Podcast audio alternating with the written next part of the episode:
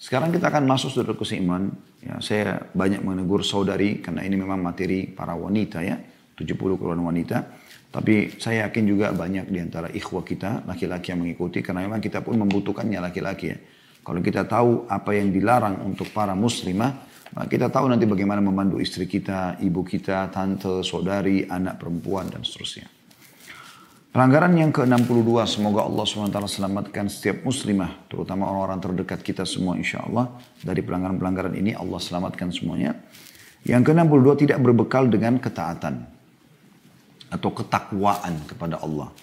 Sebagian wanita, semoga Allah memberikan petunjuk kepada mereka, tidak mengenal Al-Quran kecuali pada bulan Ramadan.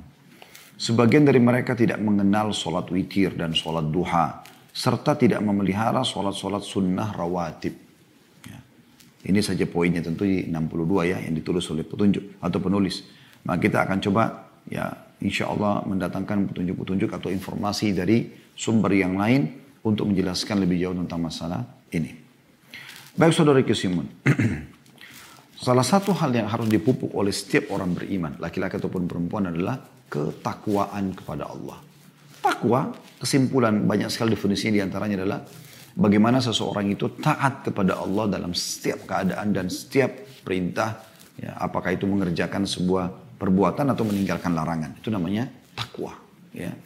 Dan Allah subhanahu wa ta'ala menyebutkan ratusan ayat dalam Al-Quran tentang masalah takwa ini. Ratusan ayat. Coba teman-teman kita tadaburi beberapa ayat bagaimana Allah subhanahu wa ta'ala memerintahkan memang kita mengisi waktu-waktu kita dengan ketaatan kepadanya. Ya, jadi tidak ada waktu yang kita lalui kecuali yang penuh atau diisi dengan ketaatan. Ataupun kalau kita harus meluangkan sebagian waktu kita masuk ke minimal atau maksimal bab mubah. Gak boleh masuk kepada syubhat, haram, termasuk makruh diusahakan untuk dijauhi. Walaupun makruh tidak berdosa. Tapi seseorang kalau sering menumpukan hal yang makruh, ya, akhirnya dia terjerumus pada yang haram. Makruh kan definisinya dalam ilmu fikih adalah kalau ditinggalkan dapat pahala, kalau dikerjakan tidak berdosa kan gitu. Tapi tetap saja seseorang hati-hati. Karena dia bisa masuk ke dalam bab haram nanti kalau sering kali dia lakukan hal yang makruh ini. Kita akan coba teman-teman sekalian melihat beberapa ayat-ayat Al-Quran yang, yang berisikan Allah memerintahkan kita selalu patuh kepadanya. Dan orang yang patuh kepada Allah ini indah sekali. Nyaman sekali. Banyak sekali janji-janji Allah subhanahu wa ta'ala kepada kita semuanya kalau kita patuh kepada Allah. Ada ceramah kami di Youtube, Anda bisa ikutin insya Allah. Cari di playlistnya Youtube KHB atau Khalid Basalam Official. Insya Allah Anda akan temukan uh, kalau tidak salah judulnya itu seingat saya 17 ya. Uh, atau indahnya menjadi orang beriman, maaf. Indahnya menjadi orang beriman. Ada kurang lebih 17 poin seingat saya. Kelebihan yang akan didapatkan dari orang-orang yang patuh kepada Allah. Diberikan rezeki, diberikan kedudukan, diberikan nama baik. Mungkin Anda yang coba menelusuri itu Anda akan rasakan. Kita orang yang beriman kepada Allah subhanahu wa ta'ala. Insya Allah kita termasuk itu. Apa saja yang kita inginkan kita bisa dapat kok. Kita bisa makan, makan yang enak lagi, berkualitas. Kita bisa minum, kita bisa berpakaian yang indah, kita bisa perawatan, kita bisa uh, berteman, kita bisa biologis. Tapi semua konsepnya halal. Lima huruf ini penting. Dan menjauhi lima huruf yang lain haram. Gitu kan? Ini yang harus kita perhatikan. Sehingga kita menikmati kok. Kalau seandainya anda menjadi orang yang patuh kepada Allah, beriman, bertakwa. Lalu Anda tidak bisa makan, tidak bisa minum, ya, Anda tersiksa, ya, harus menenggelamkan diri, mengurung diri di bawah tanah. Mungkin lah, tapi enggak. Orang beriman, Alhamdulillah. Kita bisa makan, kita bisa minum, kita bisa kejar prestasi dunia. Malah kita terkontrol karena kita punya syariat yang memandu. Mana halal, mana haram. Kan begitu. Yang dilarang oleh Allah subhanahu wa ta'ala untuk orang-orang beriman atau orang yang bertakwa ini cuma sebagian kecil. Ya. Misal Allah melarang makan babi. Melarang memakan hewan yang bertaring misalnya. Tapi akan Allah halalkan yang lain banyak sekali. Jadi yang haram itu kecil. Ada sapi, ada kambing, ada ayam, ada kelinci, ada semua hewan air. Hewan yang bertaring pun tadi yang dilarang yang darat saja. Yang di air halal, walaupun ikan hiu misalnya. Halal. Karena kata Nabi SAW tentang laut atau sungai, tahuru mau hillun maitatu. Airnya suci dan juga mayitnya pun ya apa namanya bangkainya pun halal. Kita temukan ikan mati misalnya, halal kita untuk memakan. Halal semuanya. Gitu kan? Jadi banyak sekali yang halal. Pada saat Allah haramkan khamar, gak boleh minum minuman keras yang memabukkan. Allah ganti dengan susu, madu, sirup, air air putih, jamu. Sekarang kita di Indonesia banyak juga yang halal. Kan begitu. Allah haramkan zina, Allah buka pintu nikah. Sama saja biologis kan. Tapi nikmat karena kita melakukan dengan kondisi tenang. Orang semua tahu ini adalah istri, ini adalah suami. Hamil pun tidak malu dan segala macam. Contoh ya. Baik teman-teman sekalian, kita coba lihat ayat-ayat Al-Quran yang berbicara tentang masalah perintah untuk taat kepada Allah, juga tentu Rasulnya, Muhammad SAW. Karena tidak mungkin kita taat kepada Allah kalau kita tidak taat pada Rasulullah SAW. Yang pertama dalam surah An-Nur, surah nomor 24 dalam Al-Quran ayat 54. Anda bisa buka ini di aplikasi handphone Anda. Surah An-Nur, surah nomor 24 ayat 54 yang bunyinya A'udzubillahi minasyaitonirrajim. Qul ati'ullaha wa ati'ur rasula fa in tawallaw fa innama alaihi ma hummila wa alaikum ma hummiltum wa in tuti'uhu tahtadu wa ma 'ala rasuli. Katakan hai Muhammad kepada semua pengikutmu, taatlah kepada Allah. Allah perintahkan, kerjakan. Wajib ataupun sunnah. Allah halalkan, nikmati. Allah larang, haram ataupun makruh, tinggalkan. Ya. Taatlah kepada Allah dan taatlah kepada Rasul dan jika kamu berpaling, kamu tidak mau terima itu, maka sesungguhnya kewajiban Rasul itu adalah apa yang dibebankan kepadanya. Dan kewajiban kamu sekarang adalah semata-mata apa yang dibebankan kepadamu. Dan jika kamu taat kepadanya, kepada Rasulullah SAW membawa syariat, niscaya kamu mendapatkan petunjuk. Dan tidak lain kewajiban, kewajiban Rasul itu, melainkan atau tidak ada kewajiban Rasul, melainkan menyampaikan amanah Allah dengan terang. Juga dalam surah An-Nisa, surah nomor 4 ayat 80, Allah subhanahu wa ta'ala berfirman, A'udhu billahi minasyaitonir rajim, "May yuti'ir faqad ata Allah wa man tawalla fama arsalnaka 'alaihim hafidha." Artinya, barang siapa yang mentaati Rasul itu, sesungguhnya ia telah mentaati Allah. Dan barang siapa yang berpaling dari ketaatan itu, maka kami tidak mengutusmu untuk menjadi pemelihara bagi mereka. Jadi Nabi Muhammad SAW hanya menyampaikan kepada kita. Beruntunglah orang-orang yang mentaati dan mengikuti beliau apa atau syariat yang dibawa oleh beliau dan itu akan mendatangkan ketentraman jiwa. Saya yakin teman-teman yang sudah coba menerapkan sunnah-sunnah Nabi SAW, dia akan rasakan ketentraman jiwa yang luar biasa. Ya. Kami rasakan itu. Kita merasa tentram, jiwa. Juga kita mendapatkan hal-hal yang bisa kita bahasakan semua kebutuhan kita dipenuhi oleh Allah SWT. Makin kita patuh sama Allah dan Rasulnya, makin terbuka pintu-pintu rezeki. Makin Allah berikan ketentraman jiwa. Dan kita tenang. Orang yang bermaksud kepada Allah itu tidak tenang. Penuh dengan ketakutan. Ya.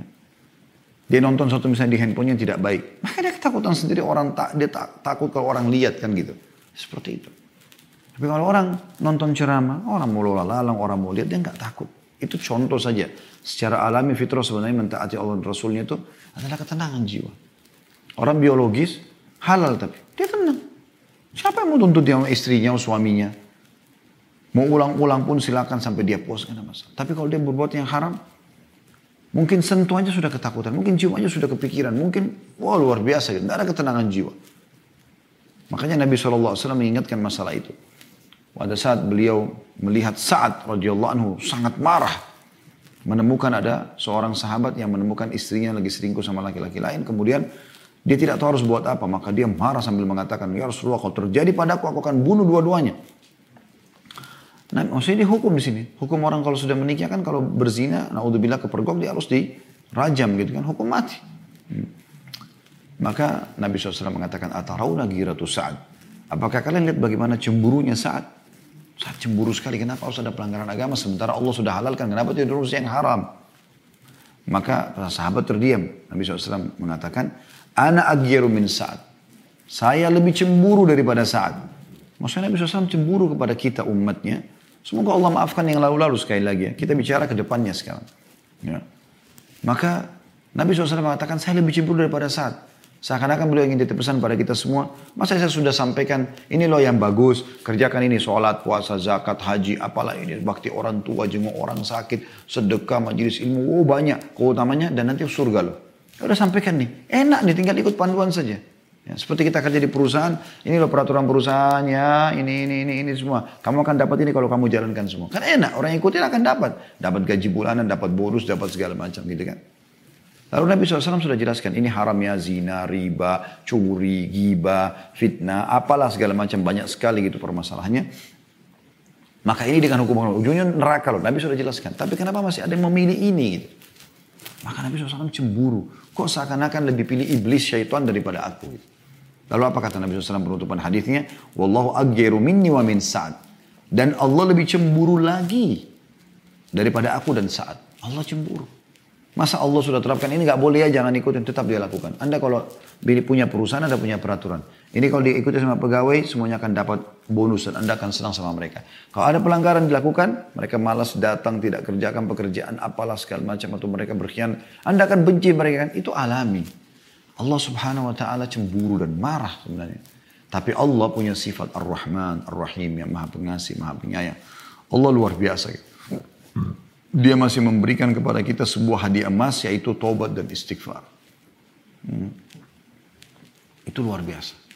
Ada ceramah khutbah Jumat saya kemarin waktu berkunjung ke Makassar.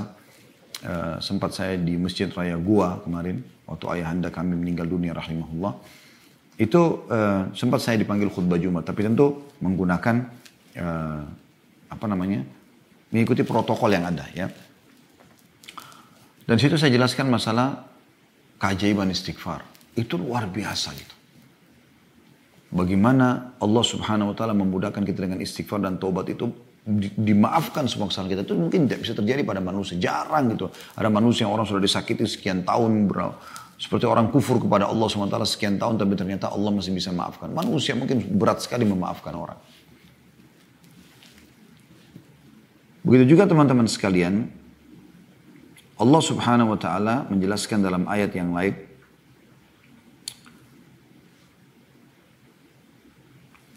memastikan kita akan mendapatkan kemenangan.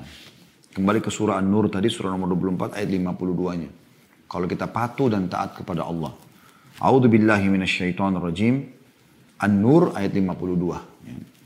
Wa may yuti'illaha wa rasulahu wa yakhshallaha wa yattaqihi faulaika humul faizun.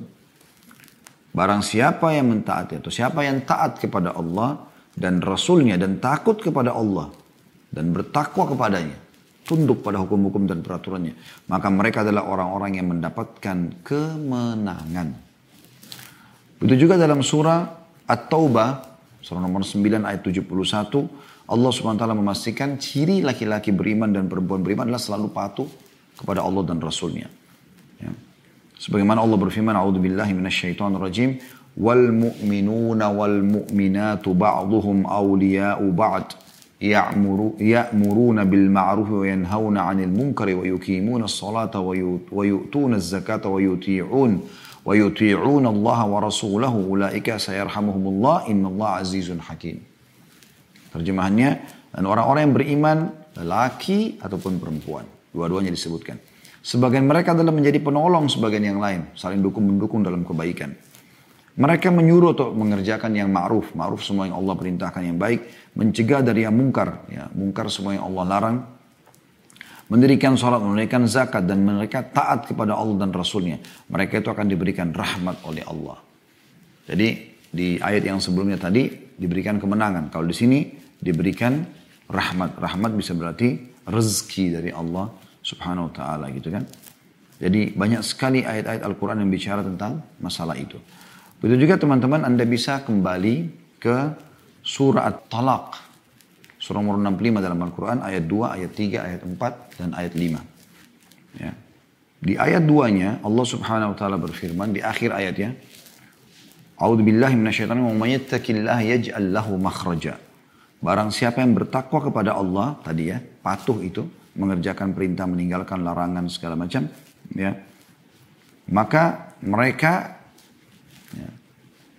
akan dimudahkan atau berikan jalan keluar dari permasalahan hidupnya. Kan gitu. Jadi yang dimaksud dengan makhraja di akhir ayat 2 ya. Wa yattaqillah siapa yang bertakwa kepada Allah maksudnya patuh dan tunduk kepada Allah mengerjakan perintah meninggalkan larangan dan mengerjakan perintah ini jangan pilih-pilih ya wajib sunnah semua dikerjakan. Kayak orang yang uh semangat dan haus dengan ingin mengerjakan perintah Allah dan Rasulnya. Dan meninggalkan larangan haram ataupun makruh. Siapa yang bertakwa kepada Allah, yaj'al lahu makhraja. Dia akan berikan jalan keluar dari semua permasalahan hidupnya. Dunia ataupun akhirat. Di ayat tiganya, wa haitsu la yahtasib. Dan Allah akan berikan kepada rezeki atau Allah akan berikan rezeki dari arah yang tidak disangka-sangka. Tiba-tiba dapat proyek ini, tiba-tiba dapat ini, tiba-tiba dapat itu. Ini janji yang benar. Ayat Al-Quran tidak akan pernah berubah dan ini pasti benar dan dilawakan oleh yang beriman sampai hari kiamat. Allah mengatakan wa may yatawakkal 'ala Allah fahuwa hasbuh. Dan barang siapa yang bertawakal kepada Allah, menyerahkan hasil usahanya kepada Allah, Allah akan jadi pencukup baginya. Ya, Inna Allah baligu amri. Sesungguhnya Allah akan melaksanakan urusan yang dikehendakinya. Qad ja'alallahu likulli syai'in qadra dan sesungguhnya Allah telah mengadakan ketentuan tiap-tiap sesuatu. Kemudian di ayat empatnya, di akhir ayat langsungnya, di akhir ayat empat Allah mengatakan wa may yattaqillaha yaj'al lahu min amrihi yusra. Siapa yang bertakwa kepada Allah, maka Allah akan menjadikan baginya kemudahan dalam urusannya. Kalau tadi ayat keduanya makhraja, jalan keluar, ya. Tapi jalan keluar belum dijelaskan. Ya, di situ secara rinci apakah itu mudah atau sulit. Misalnya orang harus operasi dulu baru sembuh. Tapi di ayat empatnya ini luar biasa. Allah mengatakan, Barang siapa yang bertakwa pada Allah, insya Allah akan mudahkan urusannya. Ini bisa kata ulama yang merincikan makna makhrajat tadi. Jadi dia tanpa operasi pun bisa sembuh. Seperti itulah. Kemudian di ayat limanya, Allah subhanahu wa ta'ala mengatakan, Dzalika amrullahi anzalahu ilaikum, itu perintah Allah yang turunkan kepada kamu. Wa may yattaqillaha, siapa yang bertakwa kepada Allah, yukaffir anhu sayiatihi. Maka dia akan menghapus kesalahan-kesalahannya, diputihkan dosa-dosanya. Wa yu'zim lahu ajra. Dan akan mengagungkan pahala untuknya. Maksudnya dilipat gandakan. Itu kan luar biasa teman-teman sekalian. Ya, luar biasa. Baik, saya ingin uh, masuk ke, sebenarnya kalau kita bahas ini panjang sekali ya. Tapi karena di buku kita kalau Anda kembali tadi di bahasan kita di sini, ada beberapa jenis amal ketakwaan ya, Eh, itu tentu panjang sekali, tapi ada beberapa yang disebutkan oleh penulis ini, maka itu yang saya ingin fokus. Seperti misalnya eh, perkataan beliau, saya ulangi, tidak berbekal dengan ketaatan, sebagian wanita ya antara dua kurung, semoga Allah memberikan petunjuk kepada mereka, tidak mengenal Al-Quran kecuali pada bulan Ramadan. Berarti ada singgungan masalah Al-Quran. Dan ini juga yang banyak luput sebagian orang atau mayoritas orang tidak membacanya. Ramadan pun tidak dibaca, apalagi di luar Ramadan. Dan ini sayang. Al-Quran ini hudan linnas, petunjuk bagi manusia. Ketenangan, kegembiraan, pahala yang melimpah di Al-Quran. Teman-teman harus garis bawah ya, semua yang dihubungkan dengan Al-Quran termuliakan. Jibril alaihissalam pada saat turun membawa Al-Quran, maka Allah subhanahu wa ta'ala angkat menjadi pemimpin para malaikat.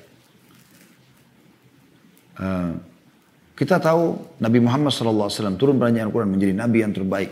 Ya pemimpin para nabi-nabi. Kemudian malam yang turun Al-Quran, Lailatul Qadr, gitu kan? Inna anzalna fi Lailatul Qadr, yang diturunkan di malam Lailatul Qadr, juga jadi malam yang mulia, gitu kan? Jadi luar biasa gitu. Apa saja yang dihubungkan dengan Al-Quran mulia. Mulia. Dimuliakan oleh Allah subhanahu wa ta'ala. Bulan yang turun Ramadan, Al-Quran, bulan juga dimuliakan. Gitu. Semua orang yang berhubungan dengan Al-Quran pasti termuliakan. Nah, kenapa anda tinggalkan Al-Quran? Kenapa tidak membacanya sebagai bentuk ketaatan kepada Allah subhanahu wa ta'ala? Teman-teman sekalian, untuk menghilangkan sifat malas, perasaan malas baca Al-Quran atau menganggap remeh, kita coba renungi ini. Ya. Yang pertama, kita renungi surah Fatir dalam Al-Quran ayat 29 sampai ayat 30. Supaya kita lebih semangat lagi untuk membaca Al-Quran. Karena ini bukan tulisan seorang profesor, doktor, ya, yang best seller di kalangan manusia, kena karangan manusia. Ini enggak. Ini kitab, kalamullah, perkataan Allah, pencipta langit dan bumi. Dan sudah terbukti setiap ya, orang yang memuliakan Al-Quran maka akan dimuliakan oleh Allah SWT. Nabi Muhammad SAW diangkat oleh Allah SWT. Walaupun Nabi ummi tidak bisa baca, tidak bisa baca, dimuliakan dengan Al-Quran. Lalu bisa mendirikan kekuatan besar di Madinah. Semua sahabatnya Khulafaur Rasyidin Abu Bakar, Umar, Uthman, Ali menjadi raja-raja dunia dengan Al-Quran. Begitu juga dengan Ya, para sahabat-sahabat Nabi yang lain. Begitu juga dengan para ulama-ulama. Sampai hari kiamat nanti, siapa pun yang muliakan Al-Quran, maka dia akan termuliakan. Kita akan bacakan teman-teman sekalian coba tadabburi surah Fatir ayat 29 sampai 30. A'udzu billahi minasyaitonir rajim. Alladzina yatluna kitaballahi wa aqamus salata wa anfaqu mimma razaqnahum sirran wa alaniyatan yarjuna tijaratan lan tabur. Itu ayat 29. Langsung sampai ayat 30 yuwafiyahum ujurahum wa yazidum min fadlih innahu ghafurun syakur. Artinya ayat 29 sampai 30 ini sesungguhnya orang-orang yang selalu membaca kitab Allah. Terus setiap hari nggak bisa lewat, nggak pernah lewat kecuali baca Al-Quran. Walaupun cuma beberapa ayat. Ya, dan para sahabat itu tidak melewatkan setiap hari kecuali membaca minimal 10 ayat. Ya, di antara asar yang dinukil kepada kita, mereka mengatakan, kami tidak pernah bertemu satu sama yang lain. Ya, kata para sahabat dari Ridwanullah alim, kecuali kami membahas 10 ayat Al-Quran. Dan kami tidak berpisah kecuali kami sudah menghafalnya, memahami isinya, dan juga siap mengamalkannya. Sesungguhnya kata Allah orang-orang yang selalu membaca kitab Allah, Al-Quran, dan mendirikan sholat. Dalam sholat pun dibaca Al-Quran. Dan menafkahkan sebagian rezeki yang kami anugerahkan kepada mereka bersedekah dengan diam-diam dan terang-terangan. Gak ada orang tahu dikasih atau di depan umum terpaksa dia harus kasih. Tetap dia bersedekah dengan jaga keikhlasan. Mereka itu mengharapkan perniagaan yang tidak akan pernah rugi. Maksudnya mereka pasti akan mendapatkan balasan di akhirat yang menggembirakan mereka. Dunia sebelum akhirat, dunia pun akan ada. Rezeki, badan yang sehat, dan segala macam hal. Allah SWT berikan dengan Al-Quran. Agar Allah, di ayat itu 29 ayat 30-nya, agar Allah menyempurnakan kepada mereka pahala mereka dan menambah kepada mereka dari karuniahnya. Allah tambahkan rezekinya, Allah tambahkan kesehatannya, Allah berkahi umurnya, Allah berkahi pasangan hidupnya, Allah berkahi keturunannya, Allah berkahi teman-teman sekitarnya, Allah berkahi semua. Sesungguhnya Allah maha pengampun lagi maha mensyukuri. Itu luar biasa. Ya.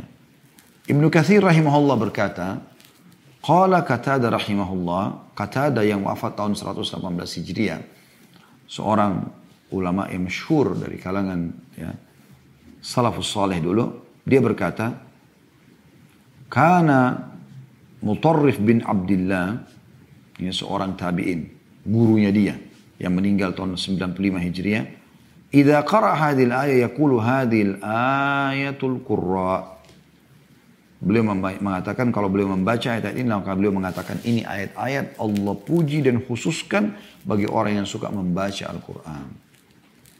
Dicintai Al-Quran. Ya, sekarang sudah tidak asing apa namanya aplikasi-aplikasi Al-Quran di handphone kita ada. Baca akhi dan ukhti. Baca. Ya. Minimal 10 ayat. Al-Quran itu ada 6000 sekian ayat. Anda baca. Setiap hurufnya satu pahala. Kata Nabi SAW, setiap huruf Al-Quran Allah akan berikan satu pahala. Yang Allah lipat gandakan menjadi sepuluh kali lipat. Maksudnya sepuluh pahala. Dan saya tidak mengatakan alif, lam, mim satu huruf. Tapi alif satu huruf. Lam satu huruf. Mim satu huruf. Jadi alif, lam, mim. Awal Al-Baqarah misalnya.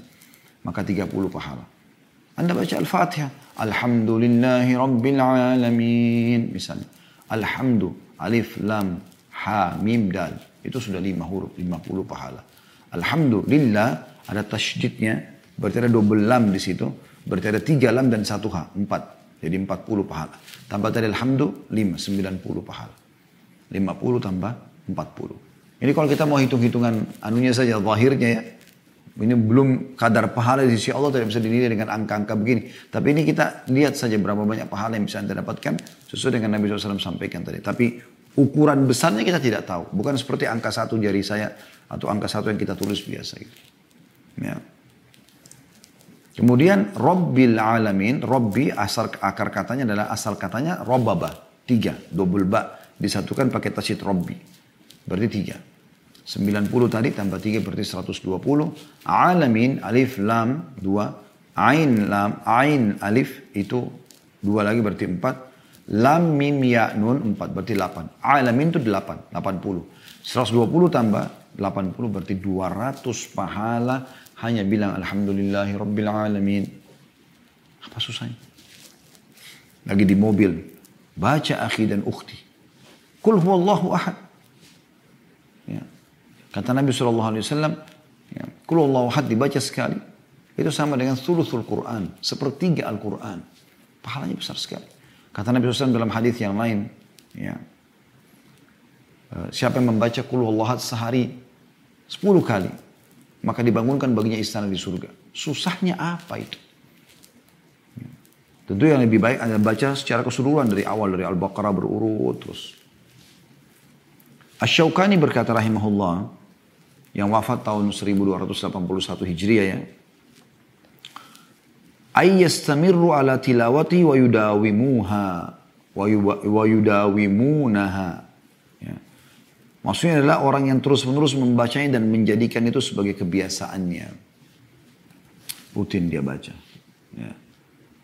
Juga Nabi SAW, atau maaf, Abdullah bin Mas'ud, sahabat Nabi berkata, radhiyallahu anhu, dalam sebuah hadis yang sahih diriwayatkan oleh Ad-Darimi dan disahihkan oleh Albani dalam silsilah hadis sahih nomor 660. Abdullah bin Mas'ud lalu berkata, "Ta'allamu hadzal Qur'an." Pelajari Al-Qur'an ini baik-baik. Bacaannya, berikut dengan tajwidnya segala macam, makharijul huruf, penyebutan hurufnya, keutamaan-keutamanya, kemudian hafalkan, kemudian amalkan. Ta'allamu hadzal Qur'an. Pelajari Al-Qur'an ini. Fa innakum tu'jaruna bi tilawatihi bi harfin ashra hasanat. Karena kalian akan diberikan pahala di setiap hurufnya. Sepuluh pahala. Ama inni la akulu bi alif lam mim. Dan aku tidak mengatakan alif lam mim. Walakin bi alifin walamin wa mim. Bi kulli harfin ashru hasanat. Tapi aku pastikan kepada kalian alif sendiri. Lam sendiri, mim sendiri masing-masing mendapatkan 10 pahala. Hmm. Itu kan luar biasa. Gitu. Kemudian juga membaca Al-Quran ini teman-teman sekalian bisa membersihkan dosa-dosa. Masuk dalam umumnya firman Allah subhanahu wa ta'ala dalam surah Hud ayat 114. Ya. Surah Hud ayat 114 yang bunyinya A'udzubillahi minasyaitonirrajim innal hasanatu yudhibna sayyi'at. Sesungguhnya perbuatan amal soleh itu akan menghilangkan dosa-dosa. Akan menghilangkan dosa-dosa. Dan membaca Quran adalah bagian daripada amal soleh. Begitu juga dengan siapa yang memperbanyak bacaannya, maksudnya makin banyak ayat dia baca, makin banyak juga pahala yang dia dapatkan. Jadi setiap huruf sudah 10 pahala. Misalnya Anda targetkan 100 ayat per hari misalnya. Maka dalam sebuah riwayat dari Tamim dari radhiyallahu anhu, sahabat yang mulia, bahwasanya Rasulullah SAW bersabda, Man qara'a bi mi'ati ayatin fi laila, kutiba lahu kunutul laila. Barang siapa yang membaca 100 ayat pada satu malam, dituliskan baginya pahala sholat semalam suntuk. Ya. 100 ayat itu, kalau Anda baca pilih ayat-ayat yang sekitar 30, 35, 40 ayat itu cuma tiga surah saja. Al-Mulk, Ar-Rahman, ya. Ada banyak. Atau mungkin Anda pilih surah-surah yang mendekati 100 seperti Al-Waqi'ah, sekitar 96 ayat, sekitar begitu. Itu Anda mendapatkan seperti pahala ibadah semalam suntuk. Karena tidak lama itu. Anda lagi di mobil, apalagi kalau ada supir yang bawa mobil, Anda bisa baca, duduk santai di belakang, anda lagi antri mau bayar pembayaran di satu supermarket misalnya. Anda lagi apalah duduk nongkrong lagi tidak ada kegiatan baca Al-Quran. Juga dalam sebuah riwayat yang lain dari Abu Hurairah radhiyallahu anhu. Itu tadi itu hadis sahih riwayat Imam Ahmad ya. Disebutkan dalam Sahihul Jami' nomor 6468. Kemudian juga membaca Al-Quran ini akan ber, ber, bertambah agung dan mulia jika dalam sholat. Anda bisa baca dalam sholat gitu kan.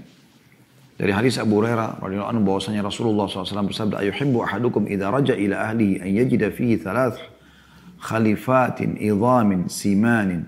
Qulna na'am. Qala fa thalathu atau fathalathu ayatin yakra'u bihinna ahadukum fi salatihi khairun lahu min thalathi khalifatin idhamin siman. Nabi SAW mengatakan, maukah salah seorang dari kalian, ya, pada saat dia kembali ke rumahnya mendapati di dalam rumahnya ada tiga unta yang hamil, gemuk, serta besar. Berarti tiba-tiba ada yang antarin dia tiga ekor unta. Ya, unta yang gemuk, besar, hamil, ini mahal sekali harganya gitu kan. Tiba-tiba di rumah dapat tiga mobil. Maka para sahabat menjawab, ya Rasulullah, siapa yang gak mau nih? Pulang rumah tiba-tiba dapat tiga ekor unta yang hamil, yang gemuk. ya Dan dia punya buat dia. Kata Nabi SAW, salah seorang dari kalian membaca tiga ayat dalam sholat Al-Quran.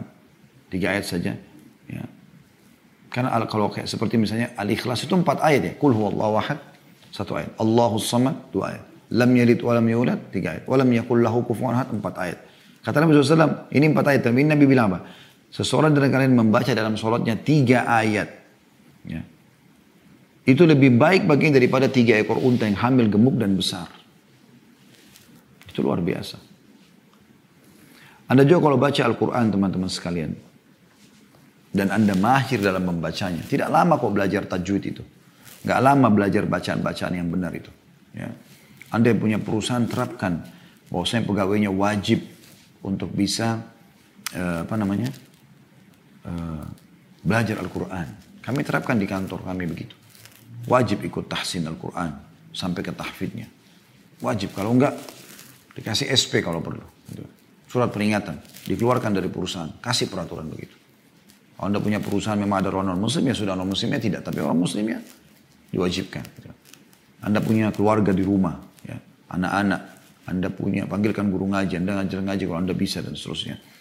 Begitu juga dengan anda sendiri membaca Al-Quran, ya, anda pelajari semua itu tidak lama kok belajar itu. Insya Allah dengan beberapa waktu saja anda belajar anda sudah akan mahir. Apa kata Nabi SAW?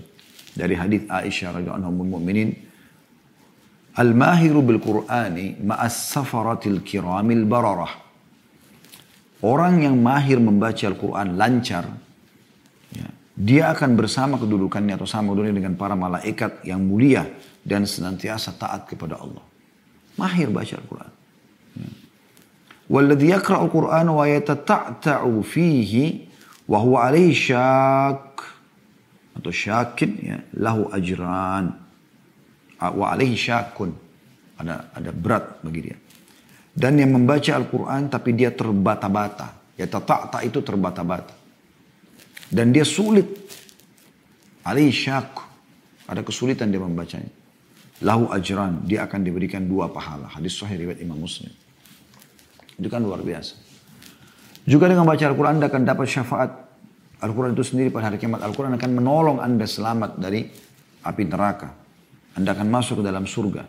Disebutkan dalam sebuah hadis sahih riwayat Imam Muslim dari Abi Umama Al-Bahili radhiyallahu anhu. Qal, beliau berkata, Qala sami'tu Rasulullah sallallahu alaihi wasallam. Beliau mengatakan, aku mendengarkan Rasulullah SAW telah bersabda, Ikra'ul Qur'ana fa innahu ya'ti yawmal qiyamati syafi'an li ashabihi. Baca Al-Quran ini, rutin baca. Jadikan program utama. Kalau pun dari pagi sampai malam ada cuma baca Quran itu sudah luar biasa. Kalau tidak beberapa saat, beberapa detik, beberapa menit saja. Baca Al-Quran karena sungguhnya dia akan datang pada hari kiamat sebagai pemberi syafaat, penolong kepada yang membacanya. Jadi suruh baca. Sayangnya di Al-Quran Al, -Quran, ini banyak kebanyakan kita hanya sekedar ya baca di Ramadan. Setelah itu kita lupakan. Pada Ramadan adalah bulan pelatihan supaya kita bisa lebih dekat kepada Allah Subhanahu wa taala. Ya. Kemudian teman-teman sekalian, ada sebuah riwayat ditukil dari Abu Saleh. Ya.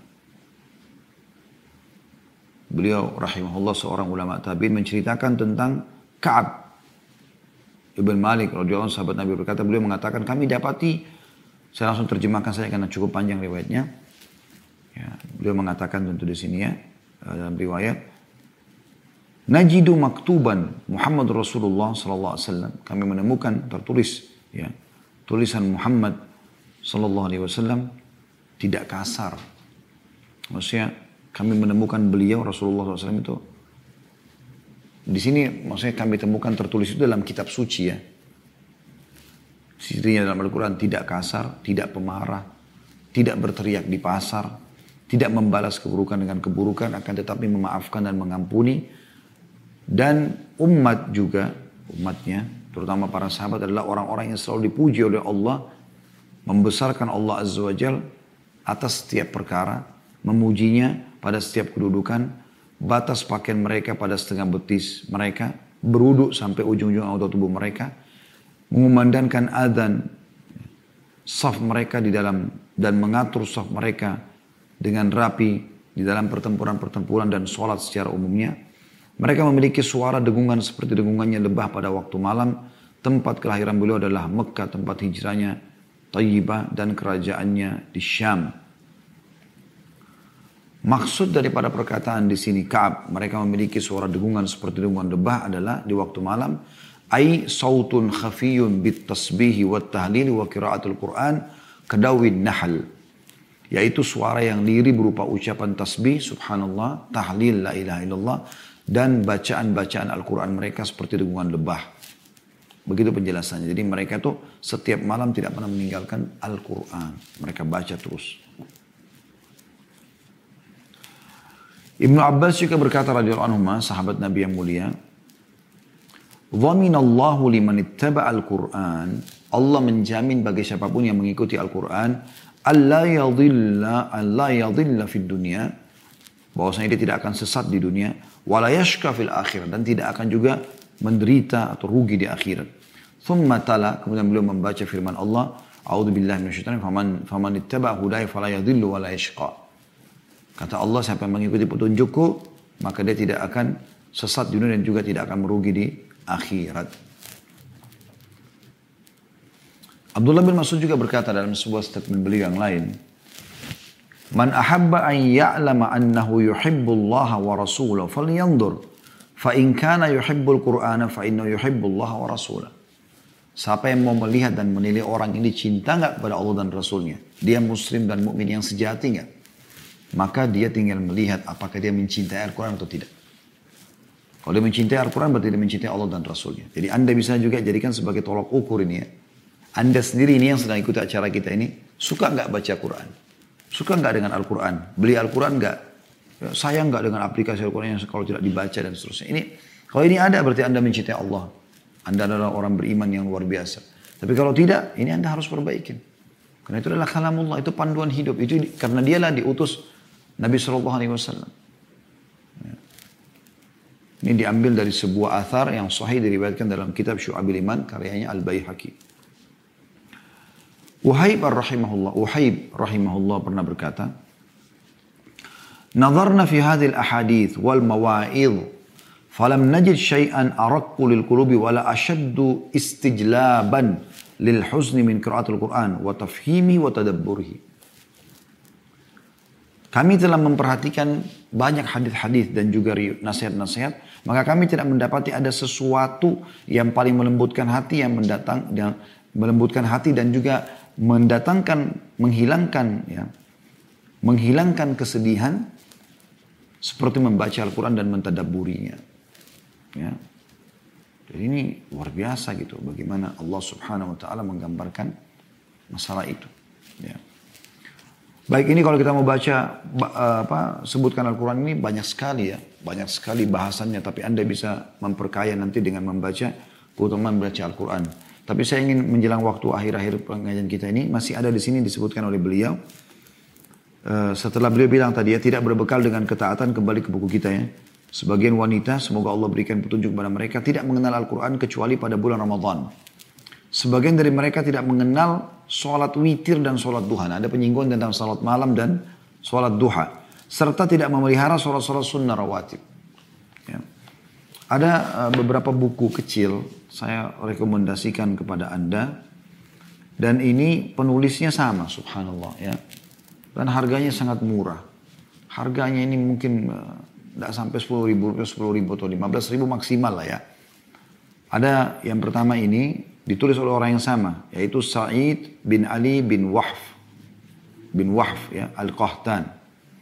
Ada sifat sholat sunnah Nabi, kecil sekali. Bisa Anda baca, jadi tidak tidak juga bertumpuk informasi yang harus Anda baca. Dan ini sangat murah Anda bisa bagi-bagikan. Saya selalu sarankan ini dibagi-bagikan. Beli, kalaupun 10 ribu satu, Anda beli 100 pun, itu cuma satu juta rupiah misalnya. Tapi Anda bisa dapat pahala berapa banyak orang yang baca ini. Ada juga penulis yang sama, uh, dia lebih fokus bahas tentang masalah sholat tahajud saja. Keutamaannya, tata caranya, segala macam. Karena masih sering bertanya gitu kan. Tentang masalah sholat malam ini. Seperti apa sih gitu lah. Sholat malam itu. Ya. Kemudian juga ada tuntunan lengkap tentang sholat duha. Ya. Karena di sini ada disinggung e, tentang masalah itu, maka saya akan khususkan pertemuan akan datang insya Allah untuk membedah buku-buku ini. Ya. Mungkin saya akan fokus membedah buku-buku ini teman-teman sekalian supaya Anda bisa lebih kental dan lebih faham. Ya, tapi pada uh, kesempatan ini insya Allah uh, saya menunjukkan saja dulu bukunya karena kalau kita mau bahas ini akan panjang. Jadi sekali lagi nanti pertemuan akan datang mungkin kita tidak lanjut ke poin eh, 63 ya. E, tapi kita akan insya Allah membahas buku-buku ini ya. Bagi anda yang berminat insya Allah bisa menghubungi Ajwat Store juga mendapatkan buku ini insya Allah untuk kita bahas. Biidnillahi ta'ala uh, kita akan lebih panjang lebar membahas tentang ibadah-ibadah sunnah ini supaya atau sholat secara khusus supaya bisa Eh, lebih maksimal dalam mengerjakan ibadah ini nantinya.